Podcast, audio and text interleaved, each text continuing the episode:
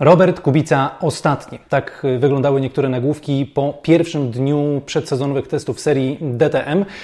No i niektórzy oczywiście mogli się zmartwić i zastanawiać się, co to w ogóle będzie z naszym kierowcą w tej właśnie serii. No i dlatego powstał ten odcinek. Chcę Wam powiedzieć, jak trzeba podchodzić do tego, co działo się podczas tych czterech dni testowych. Czy powinniśmy być zadowoleni, czy wręcz przeciwnie, więc mam nadzieję, że będziecie ze mną do samego końca. Zapraszam na kolejny ósmy bieg.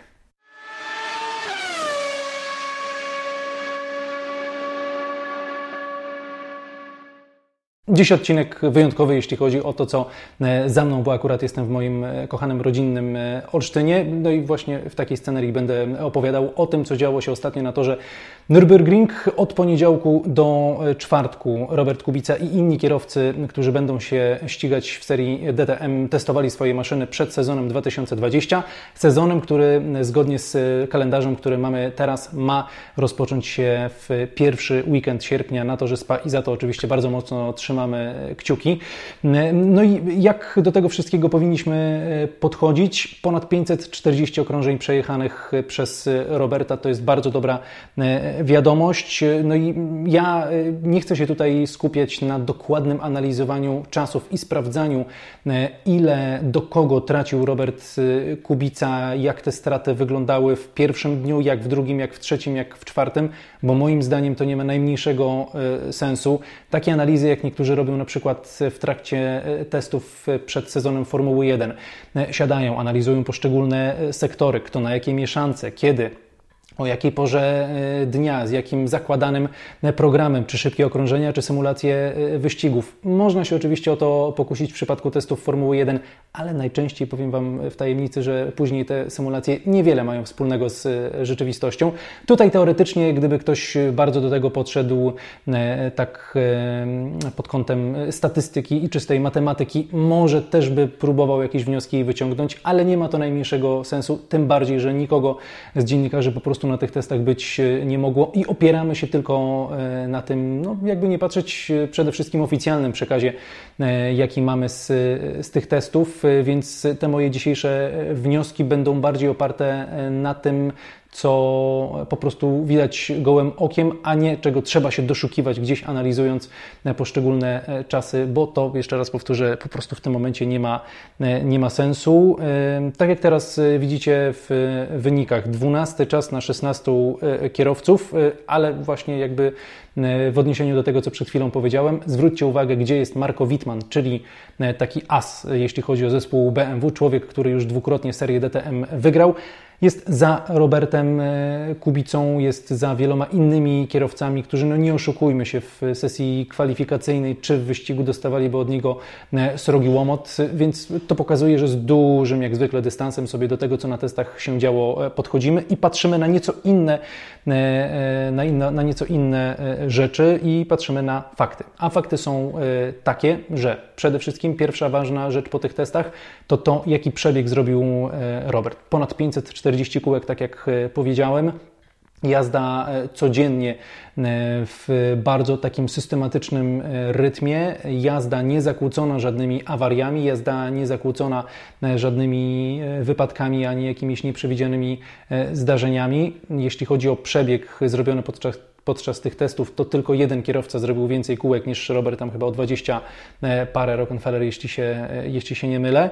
Mm, więc to jest bardzo ważna rzecz. Robert jako jeden z niewielu kierowców miał ten przywilej, że mógł jeździć e, codziennie, że codziennie wsiadał do tej samej maszyny i codziennie po prostu sam kręcił te kółka. Inni musieli swoje samochody dzielić się z, innymi zawodnikami i ten czas też przeznaczony na, dla poszczególnych zespołów trzeba było sobie jakoś rozdysponować pomiędzy poszczególnymi poszczególnych kierowców, więc to jest w sytuacji Roberta e, przede wszystkim no, ekstremalnie ważne, żeby po prostu tych kółek nakręcić jak najwięcej przed, e, przed sezonem, który będzie trochę zwariowany. Te przygotowania też są e, zwariowane, bo oczywiście wszyscy sobie mogli jakoś układać w lutym plan na to, jak przygotować się do sezonu, a później wszystko, jak wiemy, legło, legło w gruzach i teraz trochę trzeba improwizować, a żeby móc improwizować, to choć trochę tych danych trzeba jednak sobie E, sobie e, zebrać, więc e, to jest bardzo w przypadku Roberta ważne. Ważna jest też rzecz taka, że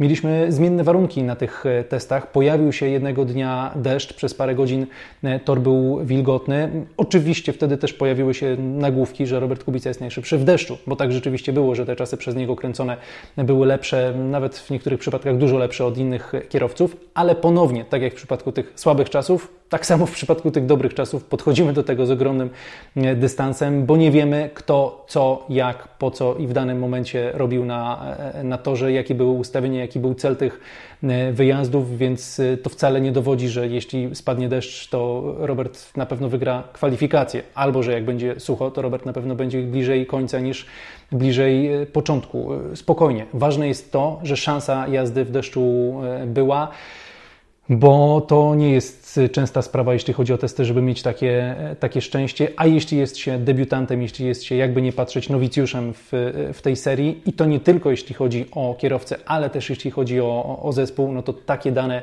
mogą być po prostu na wagę złota w pewnym momencie sezonu, w pewnym momencie jakiegoś wyścigowego weekendu, to bardzo się e, przyda. Pamiętajcie też, że z racji tego, tak jak powiedziałem, że Robert i jego zespół e, są nowicjuszami, to oni też kompletnie inne rzeczy niż e, ekipy fabryczne e, sprawdzały podczas tych testów. Musieli dużo więcej się nauczyć, musieli pewne sprawy sobie troszkę przyspieszyć, żeby tych wniosków wyciągnąć jak najwięcej i te programy były kompletnie inne niż te programy zespołów, zespołów fabrycznych, bo, bo po prostu jakby cel też był inny. No i tak naprawdę trochę też nie ma do kogo Roberta porównać, jeśli chodzi o tę obecną e, stawkę. Nawet gdyby ktoś się uparł i chciał sobie te czasy jakoś tak e, analizować, no to nie ma drugiego kierowcy, który jest debiutantem i jeździ w prywatnym zespole, który dopiero debiutuje.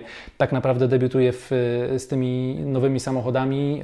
Oczywiście zespół ART był już w DTM obecny, ale trochę czasu od tego momentu minęło, więc trudno zakładać, że tamto doświadczenie jakoś bardzo im się teraz przyda. Oni też się muszą wiele nowych rzeczy nauczyć. No i po prostu takiej kombinacji w stawce, w stawce nie ma. Jest Fabio Scherer, który też jest debiutantem, który też jedzie w prywatnym zespole, ale ten zespół w DTM już rywalizował w roku ubiegłym i danych i wiedzy ma po prostu dużo, dużo e, więcej. Kolejna ważna rzecz to to, że BMW jest szybkie, że BMW nawiązało walkę, przynajmniej tak wynika ze słów kierowców tej ekipy, oczywiście fabrycznej, nawiązało walkę z Ferrari. Marko Wittmann mówił, że ciężko jest w tym momencie mówić o tym, jak to wygląda pod względem mocy, ale jest spokojny i myśli, że w tym roku stawka będzie nieco bardziej ciasna, bo BMW zrobiło krok do przodu, przede wszystkim jeśli chodzi o trwałość, o niezawodność tego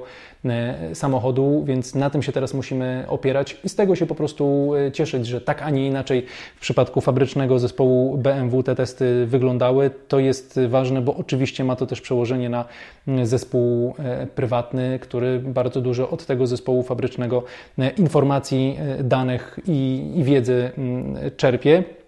Mm, możemy się też opierać na tym, co mówił Robert, ale Robert mówił niewiele podczas tych testów. Y, niestety, przede wszystkim po raz kolejny zwrócił uwagę na to, że styl jazdy w serii DTM jest zupełnie inny niż w tych seriach, w których y, ostatnio ścigał się Robert y, Kubica, a ostatnio to była Formuła 1, a wcześniej e, rajdy. I tego stylu jazdy on po prostu musi się nauczyć, jak to powiedział w rozmowie z jednym z portali e, Touring Cars Daily chyba, mm, to powiedział, że musi to po prostu odkryć, ten styl e, jazdy.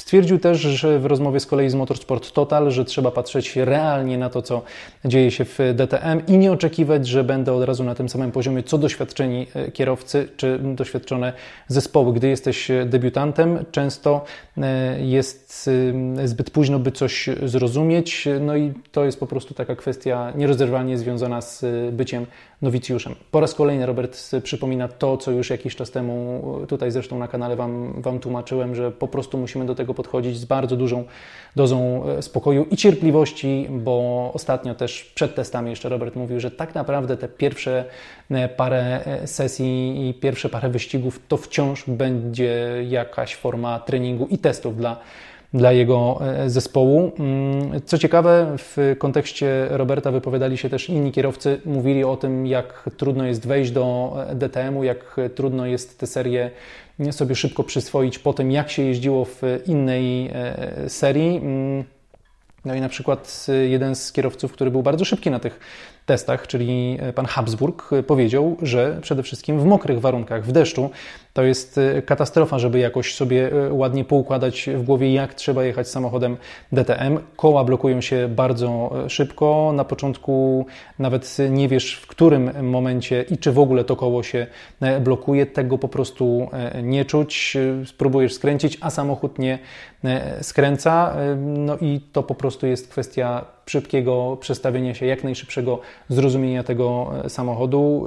No i to mówi kierowca, który E, który tym samochodem e, trochę już w zeszłym sezonie e, pojeździł. No i też zwraca uwagę na to, że to wcale nie jest takie, takie proste. Mm, stwierdził też, że bardzo ważne jest to, co byliśmy, to do czego byliśmy przyzwyczajeni w przypadku Williamsa i to, na co niektórzy próbowali zrzucić winę, jeśli chodzi o te słabe e, wyniki, czyli słynne zarządzanie oponami. W DTM też jest to e, ważne i Habsburg powiedział, że to jest jedna z takich bardziej znaczących różnic między e, samochodem z odkrytymi kołami a samochodem DTM. Trzeba się przyzwyczaić do tego, że nie ma tutaj żadnego grzania opon przed wyjazdem samochodu z garażu, więc trzeba samemu dobrze te opony w odpowiednie temperatury e, wprawić. E, no ale akurat o to jakoś dziwnie jestem spokojny. E, tymi oponami bym się bardzo nie przejmował, bo to też jest rzecz, o której często za którą często Robert był uchwalony, czyli za to po prostu jak rozumiał opony, jak był w stanie to,